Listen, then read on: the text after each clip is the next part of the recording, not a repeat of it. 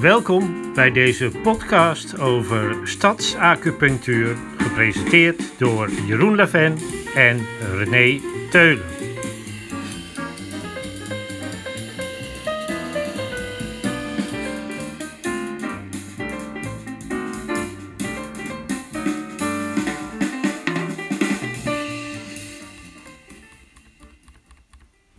Het is uh, uh, een feest om hier uh, te mogen zijn vandaag.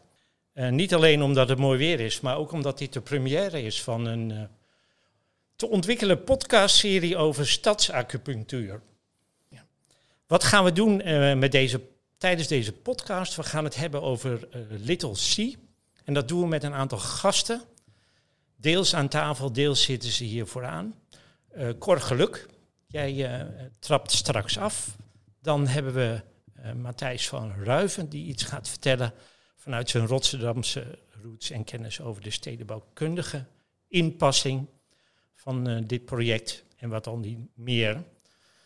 Dan hebben we als gast uh, Jan Oosterman, ik ga het rijtje maar even af. En Jan gaat ons iets vertellen over de sociale dimensie van dit soort projecten. En wat doet dat nou met uh, dit gebied? Wat, en wat doet het niet? Uh, Bijtske gaat iets vertellen over um, um, leefbaarheidsontwikkelingen die van dit soort projecten uitgaan. Samen met, uh, wat betekent dat dan voor de gemeenschap? Community building zeggen ze dan met een mooie Engelse term. En Tamara is de buurvrouw van dit project. Die uh, werkt bij de Haagse, of bij de Haagse Hogeschool wilde ik zeggen. Oei, dan val ik door de mand. Bij de Hogeschool Rotterdam. En uh, jij hebt het hier zien veranderen. En daar ga je ons over vergasten. Maar wat is nou stadsacupunctuur? Dat heeft met acupunctuur van doen. Ik ga iets voorlezen, want anders ga ik te lang van stof worden. En ik weet het bovendien niet, want ik ben geen Chinese acupuncturist. Ik heb het wel ondergaan en daarom kan ik ook uit eigen ervaring er iets over vertellen. Acupunctuur, dat werkt met energiestromen. Qi noem je dat. Ik weet niet of ik het op zijn Chinees goed zeg. En dat gaat over het verdelen van de energie en het herstellen van de verbindingen in de stroom van energie.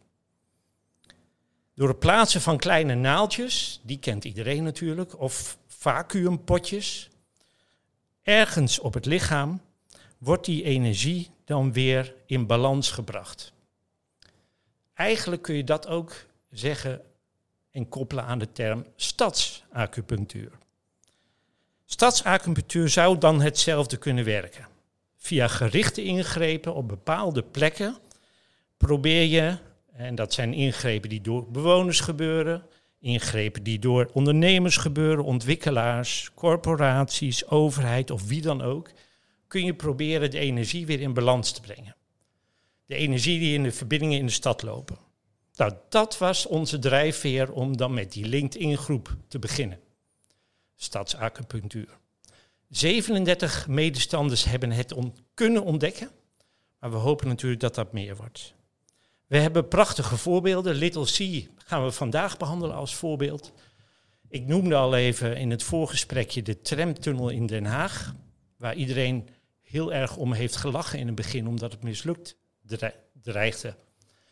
Uh, maar het is een groot succes en de binnenstad is uh, drie keer daarna uitgeroepen tot beste binnenstad van, uh, van dit prachtige landje. En ook de IJsselkade in Zutphen, ik weet niet of je daar ooit wel eens bent geweest, die is landschap helemaal opgeknapt. En je ziet wat daar gebeurt, eigenlijk precies hetzelfde als wat hier gebeurt aan de Koolhavenkade, eh, op dit deel eh, met het park. Nou, al die voorbeelden kunnen mensen stimuleren om in hun omgeving ook op zoek te gaan naar de naaldjes en de vacuümpotjes, waarmee je kan proberen de stad weer beter en nog mooier in balans te brengen. En dat gaan we vandaag bespreken. Cor, jij bent de eerste die daar iets over kan gaan zeggen. Je hebt je vreselijk bemoeid met dit uh, project. En dan niet alleen de, het bouwproject, maar vooral de landschappelijke uh, inpassing van dit project. Wat voor naaldjes heb jij uh, gebruikt? Of heb je helemaal geen naaldjes of vacuümpotjes gebruikt? Nou, het is voor het eerst dat ik acupunctuur als het ware in verband breng met mijn vak. Maar ik vond het eigenlijk ook weer niet zo moeilijk omdat het eigenlijk ervan uitgaat dat je als je denkt over de stad, niet alles onder controle kan hebben. Je moet heel goed gaan kijken waar ga je wel en waar ga je niet iets doen en wat brengt dat teweeg. Ja, het zou heel mooi zijn dat als je iets maakt, dat het meer teweeg brengt dan hetgene wat je alleen maar inbrengt. Dus in die zin denk ik dan ook als ware het acupunctuur. Nou, dan vind ik eigenlijk het ontwerp van uh, Little C wel een heel mooi voorbeeld. Omdat uh, de plek die we nu allemaal zo vanzelfsprekend vinden als onderdeel van de Rotterdamse binnenstad. Toen wij eraan begonnen in 2011, was het hier een zandvlakte waar niemand een stuiver uh, voor over had en ook niemand in geloofde dat er überhaupt een fijn stedelijk woonmilieu zou kunnen komen.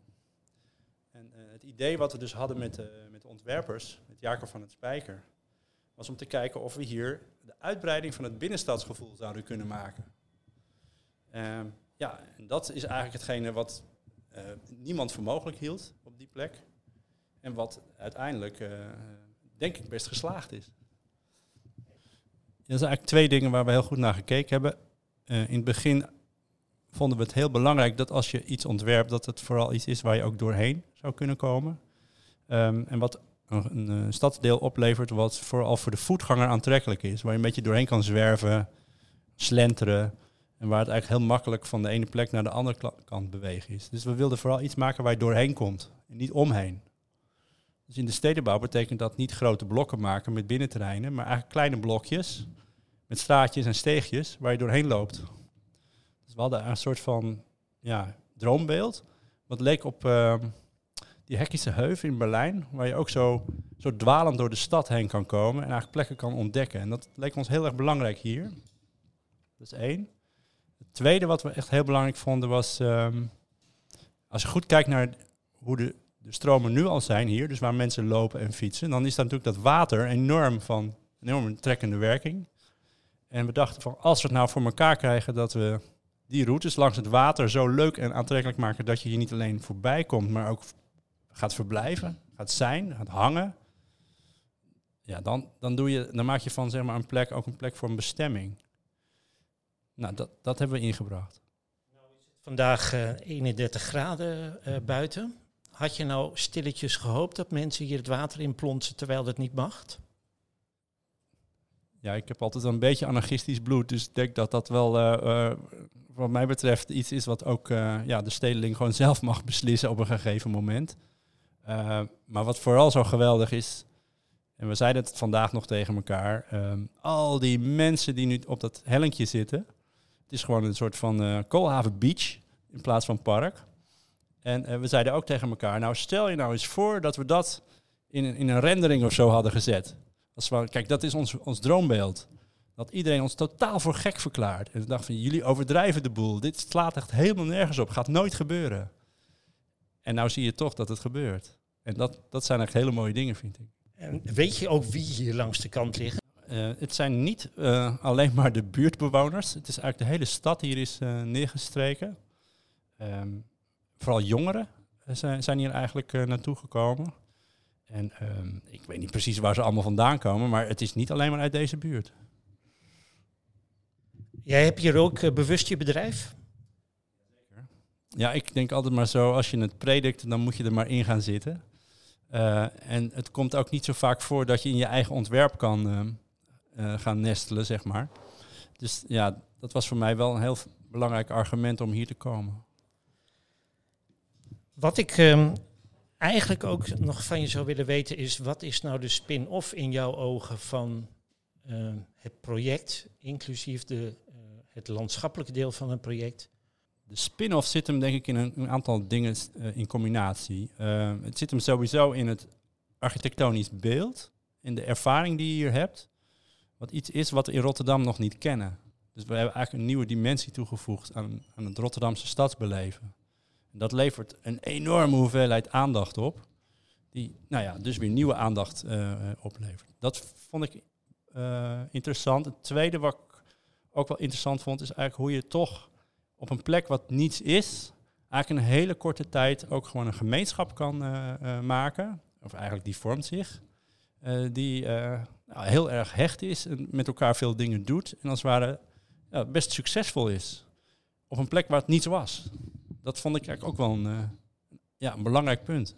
Cor, dankjewel. Matthijs, ehm, wil jij jezelf zo even introduceren voor het luisterende publiek en het kijkende publiek hier?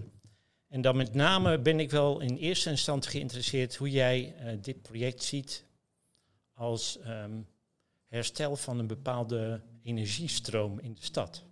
Kun je daar vanuit stedenbouwkundig perspectief ja. wat op ingaan? Kan ik zeker. Um, ja, ik ben Matthijs van Rijf, ik ben hoofdstedenbouwkundige voor deze stad, dus ik werk voor de stad.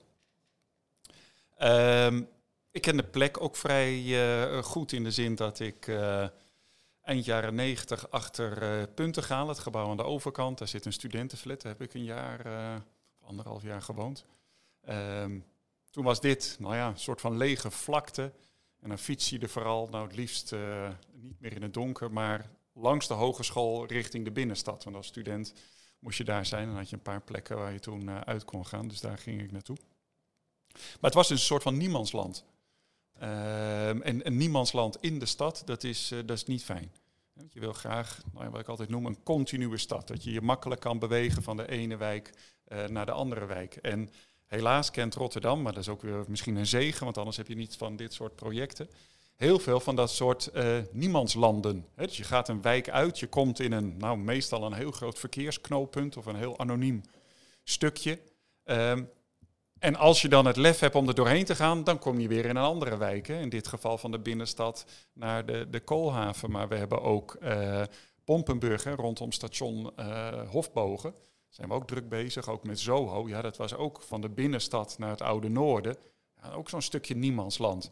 Uh, nou, en dan bij, bij, bij de Hefbrug hebben we ook, nou, ik kan er nog veel meer aanwijzen, die hadden we hier allemaal. Ondertussen hebben we wel het Droogleven voor Tuinplein en de Schraaf van Dijkwal monument verklaard.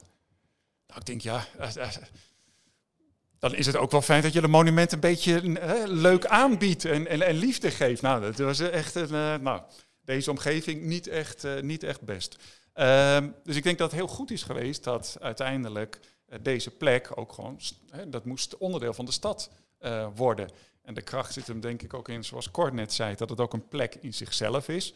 Maar vanuit mijn uh, positie bezien heeft het vooral een, is een schakel geweest tussen verschillende uh, stukken van de stad. En heeft het ook context geboden aan bijvoorbeeld het Droogleven Fortuinplein. Ik vind het nu een stuk mooier nu deze gebouwen er staan. Hè, dan zie je die soort van kom en naar beneden auto's. Maar je ziet ook de gebouwen. Je ziet meer mensen lopen en fietsen in plaats van alleen auto's. Um, dus in die routing is het heel erg belangrijk. Ook door naar het Lloydkwartier bijvoorbeeld. Want ja, daar kom je ook nog niet zo makkelijk. Uh, en daar slaagt dit project heel goed in. En wat ik ja, er heel mooi aan vind, het is, het is anders en tegelijkertijd ook helemaal niet. Als je even abstract kijkt, hè, hogeschoolgebouw. Ik vind het een prachtig uh, bakstenen gebouw. Puntengalen aan de overkant, ook prachtig bakstenen gebouw. Um, en eigenlijk Little C is ook helemaal van baksteen. Dus dat gaat heel mooi uh, de relatie aan met die, met die twee bestaande gebouwen. Zonder de afbreuk aan te doen. Dus het legt ook tussen de gebouwen heel nadrukkelijk die connectie van... hé, hey, je kan verder. Hè? Als je bij Puntengalen staat, word je uitgenodigd om deze kant op te komen en uh, vice versa. Ja, en daardoor krijg je dus meer stromen uh, tussen verschillende delen van de stad. En dat, nou ja, dat proberen we op heel veel plekken. Dat is hier heel goed gelukt.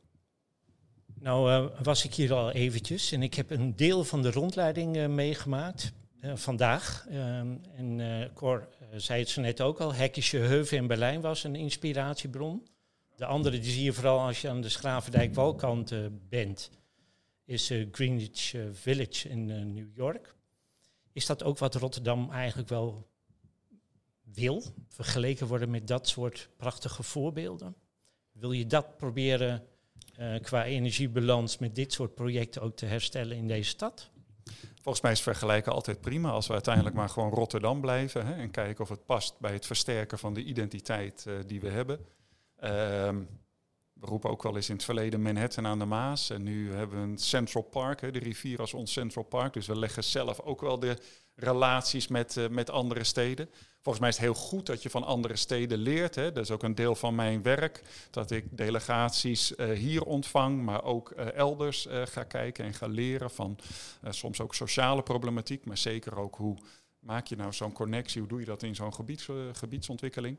Ehm, Dus ja, als je inspiratie ergens vandaan kan halen, hartstikke goed. Maar maak er uiteindelijk maak er een stukje Rotterdam van. Hè. Dat is belangrijk. En ik denk dat dat ook heel goed gelukt is. Want ja, ik, ik, ik, ik hoor het Greenwich eh, Village ook heel vaak als, uh, als referentie. En ik snap het ook wel. Maar ja, zoals ik net al zei, hogeschool, puntengale gebouw. Ja, ik vind dat het daar heel veel mee doet. Dus ik vind het vooral ook heel Rotterdams. Wat is het Rotterdamse aan dit project? Vind ik, eh, vind ik wel dat het twee, ja, twee gebouwen uh, echt weer context geeft. En ook dus aan dat droogleven voor Tuinplein. en ook, nou ja, eigenlijk de, de beweging naar de rivier maakt. Tunnel. Door de tunnel, maar ook, ook. hoe de blokken gepositioneerd zijn. Je ziet, dat vind ik echt schitterend, in dat achterste straatje. Uh, dan zie je de Euromast echt schitterend in die, in die as staan. Dus ja, ondanks dat het heel compact is en een kwaliteit in zichzelf heeft, voel je overal de connectie met andere stukken van, uh, van Rotterdam. En dat, is, uh, ja, dat vind ik zelf er heel goed aan. Ik wil over naar de volgende. Tamara, wil jij jezelf even introduceren als buurvrouw van dit wonderschone project? Ja, dat wil ik graag. Ik ben natuurlijk een beetje misschien een vreemde eend in de bijt. Maar ik ben Tamara Agats, al 15 jaar docent bij de opleiding Facility Management. En die maakt onderdeel uit van het Instituut van de Gebouwde Omgeving.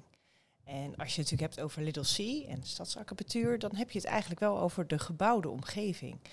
En in die 15 jaar uh, heb ik het hier heel erg zien veranderen. Ik kom voornamelijk ook altijd op voor de student.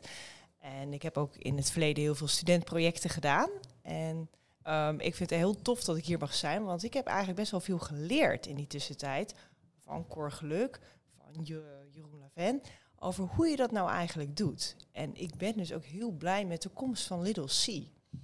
Want het maakt gewoon ontzettend tof lesmateriaal voor een nieuwe generatie. Om te laten zien, hé, hey, dit kan dus allemaal. Dit kan je dus gewoon voor elkaar krijgen. En wat, dat is leerpunt 1, dat je tof les, lesmateriaal naast de deur ja, hebt liggen. Heb je, heb je nog meer van die leerpunten? Nou ja, het kunstwerk van Anne Mercedes, natuurlijk de Ode aan Tuschinski. En dat je gewoon echt als vrouw of als man of als student gewoon door moet blijven zetten natuurlijk. Hè? Want negen jaar gestreden om iets voor elkaar te krijgen, nou, dat vind ik zelf heel erg bewonderenswaardig. Dus als wij dus uit de deur kijken, dan zien wij dus iets met doorzettingsvermogen, met kracht. Maar ook gewoon uh, ja, de best practice little C naast je deur. Ja, wat wil je nog meer? Nou, je zegt dat je hier al 15 jaar hè, um, um, verbonden bent aan de ja. hogeschool. Ja. Beschrijf eens wat je in die 15 jaar beneden aan je voeten hebt zien veranderen op deze plek. Ja, nou, ik heb het geluk dat ik al op de derde etage zat. Dus ik heb het heel erg lang uh, naar buiten kunnen staren, uh, tussen de colleges door. Maar je zag eigenlijk een nietszeggende omgeving. Studenten kwamen heel netjes binnen, zo rond half negen vanuit de metro Koolhaven. En dan zo rond een uurtje of drie, vier druipen ze zo weer, dropen ze weer terug eigenlijk de metro in. En er was niks. Dus als wij dan wel eens een tussenuur hadden, dan verdwenen de studenten ook gewoon meteen. En nu zie je gewoon, ze blijven. Ze vinden het tof om te studeren. Ik weet niet wat er gebeurd is dit jaar, maar echt... Eh, studenten die, die willen niets liever dan naar school gaan. Die vinden het te gek. Ze zijn met vol enthousiasme dat ze in die programma's uh, stappen.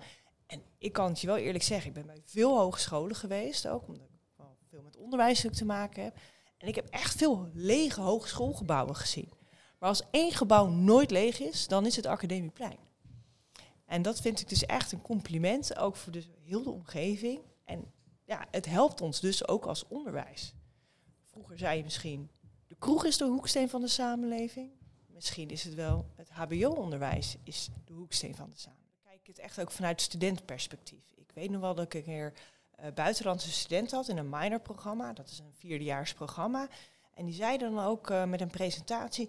Ja, Rotterdam die doet niks met het water. Waarom doen jullie niks met het water? Andere Europese steden doen dat wel.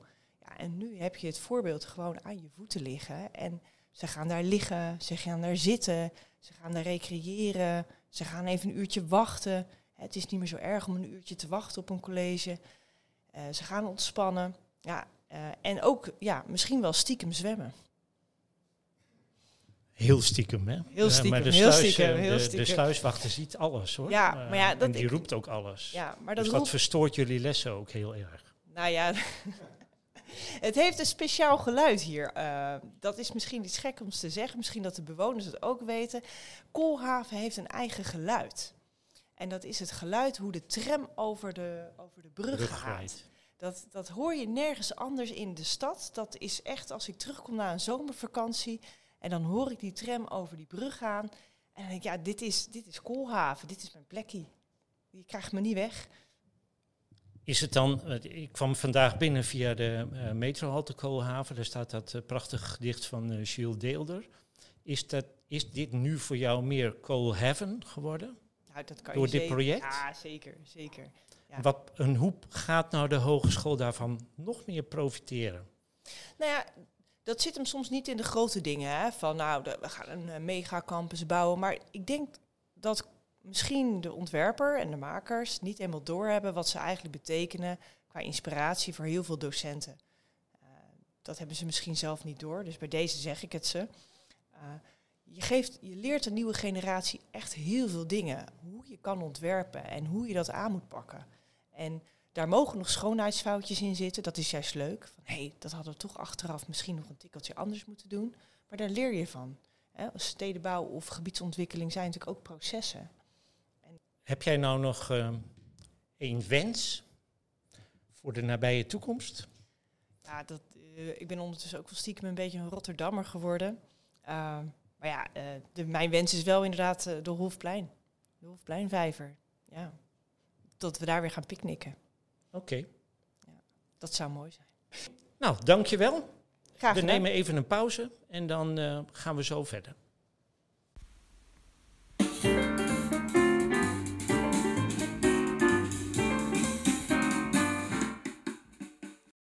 Uh, Jan, um, jij mag jezelf helemaal introduceren.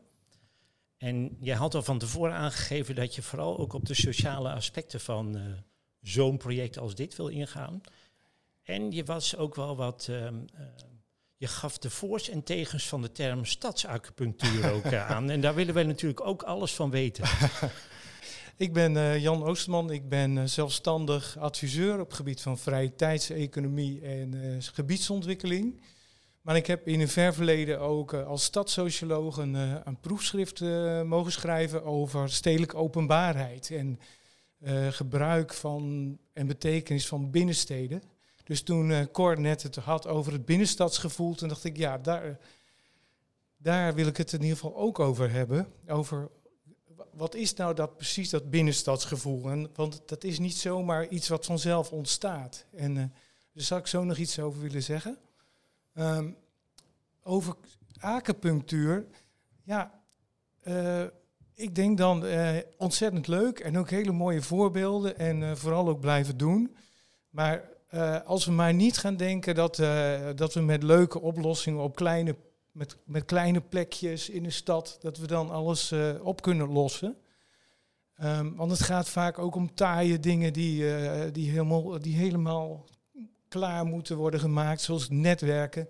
Dus ik heb zelf bijvoorbeeld voor Rotterdam een project gedaan aan de Schie. En dan denk ik, ja, die routenetwerken langs die Schie, die zijn pas goed als ze er zijn. En als er ergens een stukje ontbreekt, dan, dan is het de waarde van zo'n hele route eigenlijk uh, een stuk minder. Dus als je alleen maar op bepaalde plekken gaat focussen en daar, dat allemaal heel erg mooi oppoetst en je vergeet de verbindingen of je vergeet de dingen die, dingen die aan de basis liggen, dan, dan, doe je, dan vergeet je iets. En er zit een soort risico uh, in dat acupunctuur dat je denkt, oh ja, ik doe hier wat, ik doe daar wat en dan komt het allemaal goed. En zo is het niet, denk ik. Ik uh, onderschrijf dat helemaal. Laat ik dat. Uh, en dan refereer ik toch ook weer een beetje aan die Chinese arts die mij af en toe uh, heeft geholpen. Die keek niet alleen naar die plekjes, maar die keek eerst naar mijzelf als persoon. En wat ik ja. wel goed deed en wat ik niet goed deed. Ik, ik verstond hem niet, hè, want hij sprak werkelijk alleen maar een paar woorden Engels. En voor de rest een taal die ik niet begrijp. Ja. Um, maar wat ik wel van hem begreep is dat hij je helemaal opneemt. Dus ja. daar zit dan misschien hè, dus de, de, hele persoon. En misschien moet je op die manier ook wel inderdaad naar acupunctuur kijken. Dat je ook de hele stad in dit geval ook in je opneemt. Om te kijken, ja, wat zijn dan de stromen die relevant zijn? En welke verbindingen daarin zijn relevant? En ik ben met je eens dat je met alleen maar individuele projectjes er vast niet bent. Ja, en dat je dus ook niet... Het is natuurlijk ook verleidelijk, want die acupunctuurdingen die zijn veel sexier dan, uh, ja, dan gewoon iets helemaal in orde maken. Ja, dat klopt. En, en, dan, is, dan is dit project natuurlijk heel erg sexy. Ja, en, en jij vertelde al net iets over uh, dat gevoel, hè, dat binnenstadsbelevingsgevoel, ja. waar Cor het over had. Ga daar nog eens op door. Ja, uh, nou, het gaat over dat, dat gevoel wat we hier dus hebben, waar, waar, waar Cor het ook over had, van dat je de stedeling, dus de, de scholieren en de studenten, uh, maar ook de Rotterdammers en de buurtbewoners allemaal hier op, op een prettige manier bij elkaar hebt. En dat iedereen zich welkom en thuis voelt. Dat is helemaal niet vanzelfsprekend. Dat is echt iets waar je echt uh, goed over na moet denken, waar je geluk mee moet hebben, maar waar, waarbij je ook uh, ja, aantal dingen kunt doen en moet doen. En, bijvoorbeeld door je te verplaatsen in iedere doelgroep. Dus ik heb zelf een, een advies gegeven voor de ontwikkeling van de Rijnhaven hier in Rotterdam. En we verplaatsen in elke doelgroep. Dus de bewoner, wat heeft die nodig? Nou, bankjes, dagelijkse plekken om, uh, om, om, kleine rondjes te maken. Um, de inwoner van Rotterdam, die heeft bijvoorbeeld een attractiepunt nodig waarvoor die komt. er moet iets zijn waarvoor je komt. Nou, dat is bijvoorbeeld het strand. Uh, voor de student zijn er weer misschien weer andere vereisten. Uh, dus, dus dat moet allemaal kloppen voor die verschillende groepen. En dan ontstaat er een soort van stedelijke openbaarheid, waarbij uh, iedereen eigenlijk ehm, ja, zich welkom voelt, zonder dat hij de plek helemaal inneemt. Dus het is een soort um, kijken en bekeken worden, ja, waardoor het een heel prettig gevoel krijgt voor iedereen, zonder dat groepen uh, een stukje gaan privatiseren. Dus dat zie je ook wel vaak.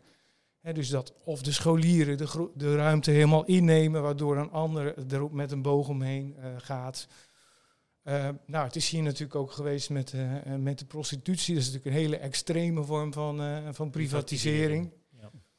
Maar je ziet het ook op, op bijvoorbeeld op het waternetstijgers. Dan zitten daar de vissers. En dan denk ik, oh ja, nou ja, daar moet ik maar niet heen. Want er zitten die vissers, die hebben die plek helemaal zich toegeëigend. Dus het is een hele precaire balans. En, dat, en daarbij moet je dus de ruimtes goed inrichten. Je moet geluk hebben, je moet de vinger aan de pols houden. Uh, waardoor uh, de ruimte niet wordt ingenomen door één bepaalde groep. En waardoor mensen zich welkom voelen en zich ook um, ja, op een bepaalde manier heel beschaafd gedragen. Of, ja, dat klinkt misschien een beetje overdreven, maar uh, ik, ik woon zelf in Blijdorp en vlakbij een aantal scholen. En die scholen, die scholieren, die gaan iedere dag naar Albert Heijn.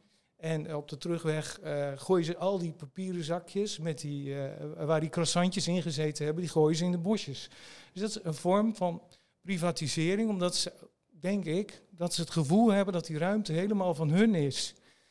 En dan, dan krijg je dus een gedrag waarbij een groep ja, geen, geen rekening meer gaat houden met de andere groep. Kun je nou voor, uh, voor dit project eens een voorbeeld geven waarin dat goed geslaagd is? Um, dat het dus niet geprivatiseerd wordt, zeg maar, omdat het op een bepaalde manier ontworpen is? Nou, ik vind dus het Little C zelf dus daar een goed voorbeeld van. Je ziet het gewoon uh, gebeuren. Dat het goed gaat, behalve dan misschien die file auto's die hier aan het eind van de dag uh, staat. Vanwege het sluipverkeer. Uh, ik denk, ja, daar moeten we misschien een keer een paaltje op het midden van de weg zetten.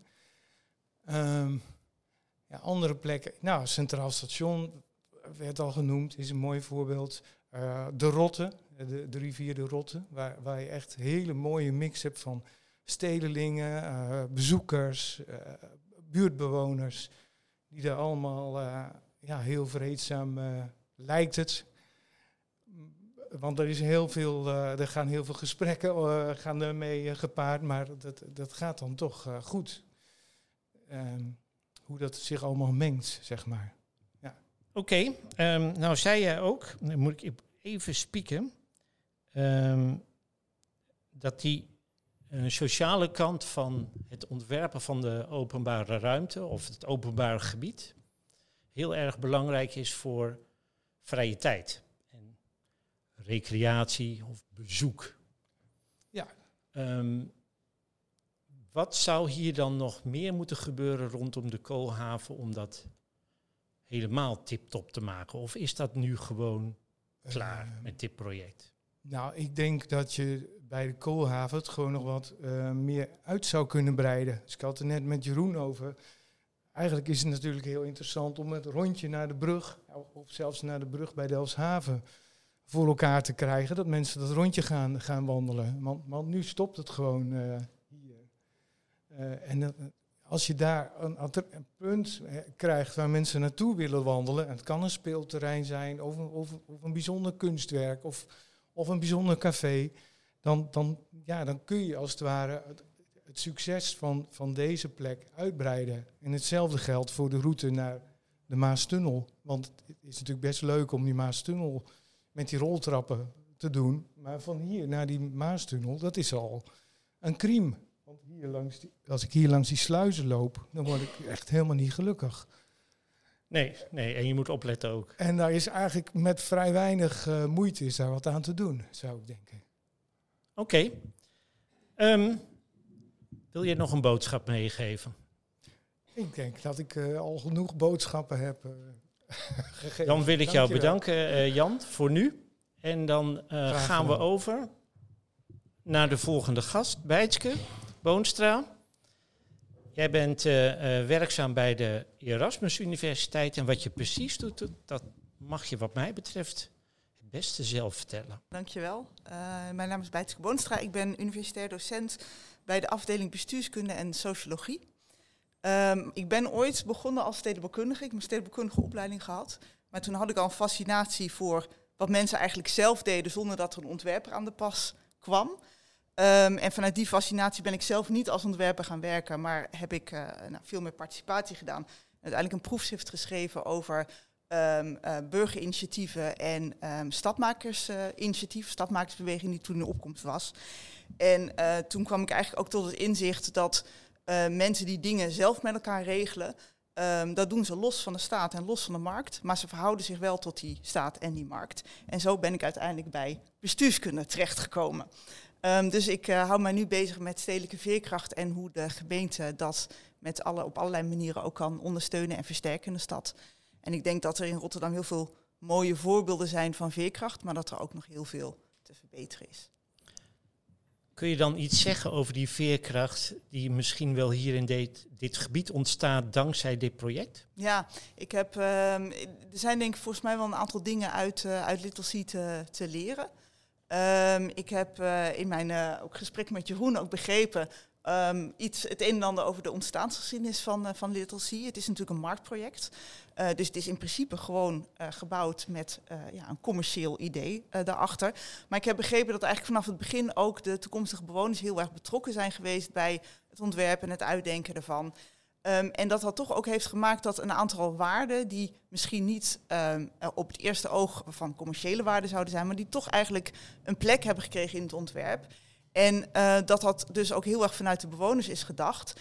En dat dat uiteindelijk dus meerwaarde voor iedereen genereert. Dus daar kunnen we heel erg zien dat bewonersparticipatie misschien hè, net even wat extra moeite kost. En dat bewoners misschien soms met ideeën komen van je denkt van ja, ja, nou ja, moet dat nou? Maar dat dat ook echt meerwaarde genereert.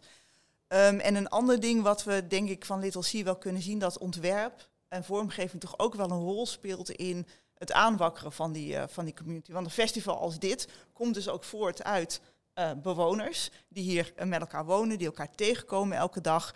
Um, de binnenruimtes hier of de, de openbare groenruimtes tussen de gebouwen door zijn echt zo ontworpen dat je elkaar daar tegenkomt en ontmoet. En dat heeft dus meteen meerwaarde. Um, dat betekent ook dat als er een keer een probleem met iemand is of in de samenleving, dat mensen elkaar gewoon kunnen vinden, elkaar kunnen gaan helpen. Um, het heeft gewoon enorme meerwaarde als mensen elkaar gewoon um, kennen, uh, veilig voelen in hun woonomgeving en vanuit daar uh, ja, prettige interacties met elkaar aangaan. En ik denk dat dat in Little Sea op zich uh, ja, gelukt is. Heb jij nou nog andere voorbeelden in Rotterdam waar het ook zo mooi gelukt is? Of elders? Nou, ja, hè? kijk, er zijn, er zijn gewoon ontzettend veel plekken in Rotterdam waar, uh, waar, buurt, waar gewoon sterke buurtgemeenschappen zitten. Um, ik, er zijn ook wel wat, uh, wat, wat, kritische noten bij te, uh, bij te stellen. En ik denk dat dat ook nou ja, ik ben benieuwd hoe dat zich voor Little C ook gaat ontwikkelen. Um, het is altijd de vraag of je in de stad heel erg gemeenschappen hebben die hecht zijn en gesloten zijn. Ehm, of dat het gemeenschappen zijn die um, ja, door elkaar heen lopen, die elkaar tegenkomen. Uh, dat mensen niet alleen onderdeel zijn van de gemeenschap waar ze wonen, maar ook waar ze werken of ook waar ze kennissen hebben. Um, en ik denk dat voorlopig Little C nog een beetje een eilandje is in een stad. Dat is niet uh, aan Little Sea te wijden, maar ook echt aan de omgeving. Dus wat dat betreft denk ik dat dat nog echt iets is wat, uh, wat kan groeien. Het is op zich hè, zo vormgegeven, je komt er doorheen. Je, je, het is niet een gesloten ding, dus je komt er echt doorheen. Maar ik denk wel van, joh, je zou deze manier van, van samenwonen, zou je eigenlijk veel breder in de stad kunnen trekken. Er zijn ook plekken waar dat gebeurt, gewoon in de oude wijken, in de nieuwe wijken. Uh, maar het wordt eigenlijk dat gemeenschapsleven wordt volgens mij nog niet altijd even meegenomen in de grote nieuwbouwprojecten uh, die er zijn in de stad. Um, dus daar zou ik wel voor willen, ja, een pleidooi voor willen houden. Dat betekent dat mensen zoals jij bij, aan het begin van zo'n traject met ontwikkelaars er meer bij betrokken moeten worden? Uh, nou, niet mensen zoals ik, want ik ben maar een hè, wetenschapper, maar uh, gewoon bewoners, gewoon mensen, toekomstige bewoners, maar ook heel goed kijken naar wat is de dynamiek in een buurt waar je gaat bouwen. Um, hoe sluit jouw project aan bij die dynamiek in de buurt en kan het ook een gemeenschap versterken? En vaak betekent dat ook dat je ja, kan nadenken van, nou, hoe ontwerp je je buitenruimte? Is die ook aantrekkelijk voor iedereen? En kom je daar ook doorheen, want moet je elkaar daar ook. Maar ook zijn er, uh, is er een goede meng van woonvormen, hè, sociale woning bouwen, maar ook gewoon um, ja, middeldure huur en, en koop. Um, zijn er sociale voorzieningen? Voor wie zijn er voorzieningen in de nieuwbouw? Ik denk dat dat allemaal dingen zijn die we ja, in Rotterdam gewoon goed moeten meenemen in de, in de ontwikkelingen die er zijn. Um, ja. Nou, dankjewel, uh. Um, dan hebben wij al onze gasten nu langs gehad voor de microfoon. En dan is het in een podcast een beetje raar om een gesprek met de zaal te hebben terwijl iedereen uh, hier apart naar uh, toe moet lopen. Maar ik ga toch een truc proberen om dat wel te doen. Dus zijn er mensen die iets hebben gehoord en denken van hé, hey, daar wil ik nog wel wat meer van weten.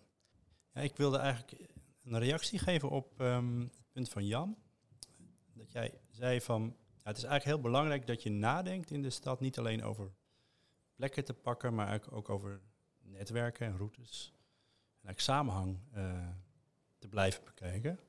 En toen dacht ik gelijk, ja, dat vind ik eigenlijk een heel belangrijk punt. Dat we ons beseffen dat we niet alleen maar over ja, een plek inrichten, maar dat we ook gelijk een bijdrage leveren aan hoe routes of netwerken kunnen verbeteren. En daar hebben we toevallig in dit plan namelijk wel heel veel aandacht aan besteed.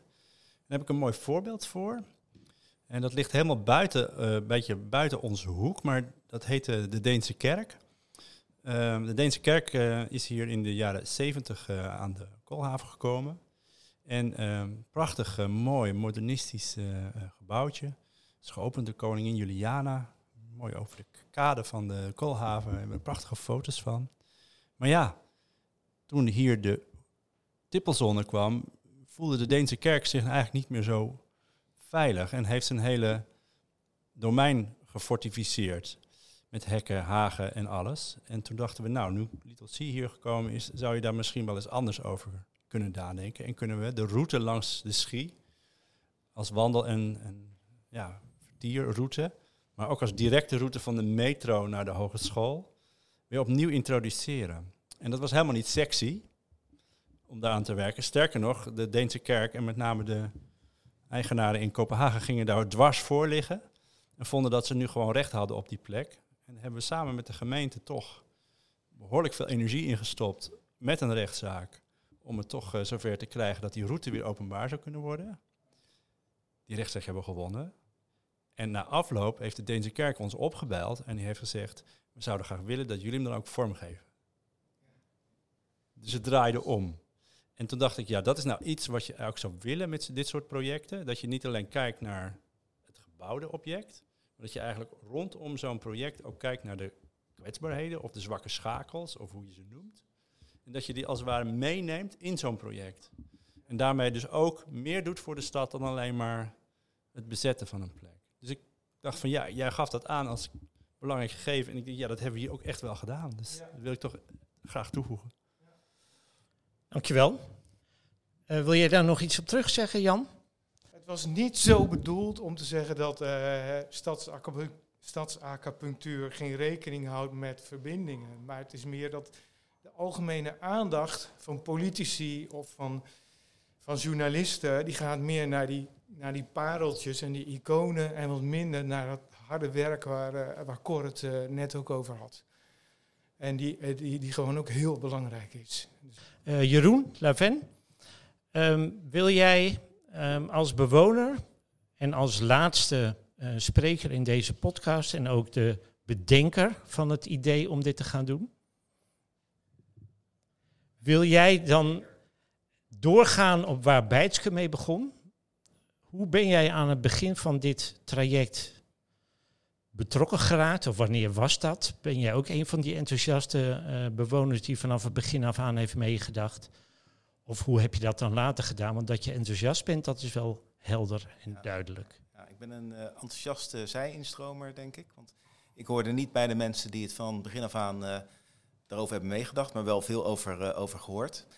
en het valt mij wel op dat die mensen die er al bij betrokken waren, nou ja, voordat ik betrokken was, en de andere mensen die ongeveer met mij zijn gekomen, dat zijn nog steeds een beetje de sterktehouders van Little C.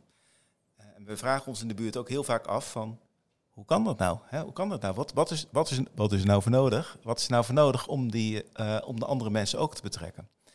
Uh, nou ja, en dan denk ik dat festivals zoals we nu doen, hè, waarin we mensen echt uitnodigen van, kom gewoon laten zien waarop jij het hier tof vindt. En er spelen bands hier op het festival. Er zijn gewoon bewoners.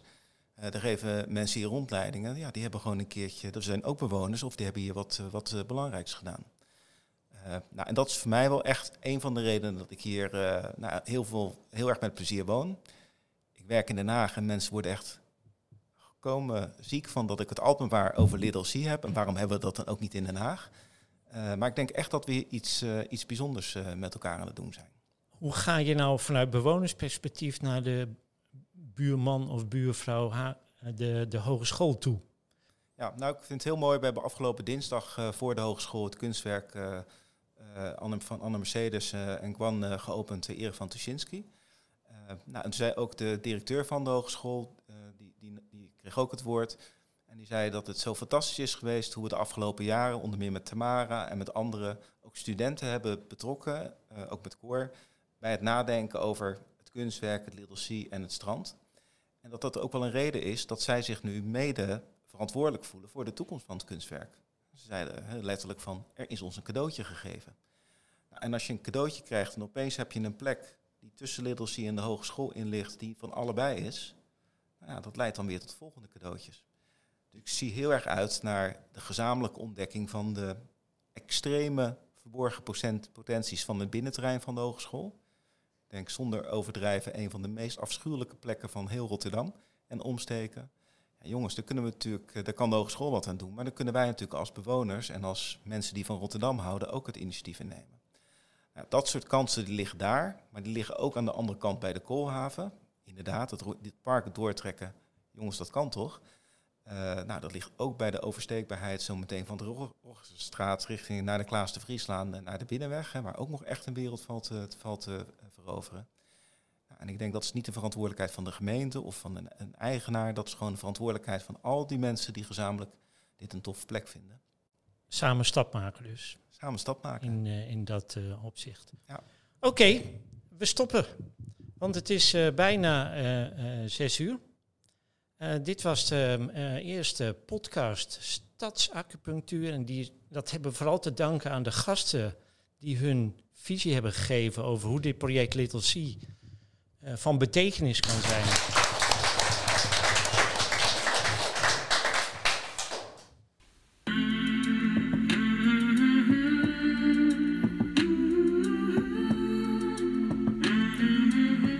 Nou, dat was hem dan. De podcast Stadsacupunctuur door Jeroen en René. Onze gasten waren Tamara Agats, Bijtske Boonstra, Matthijs van Ruiven, Jan Oosterman, Cor Geluk. Dank jullie wel dat jullie erbij waren. En ook dank aan Martine Meijburg van de Sandbox, onze gastvrouw en degene die achter de knoppen zat. Bedankt voor het luisteren en tot de volgende keer.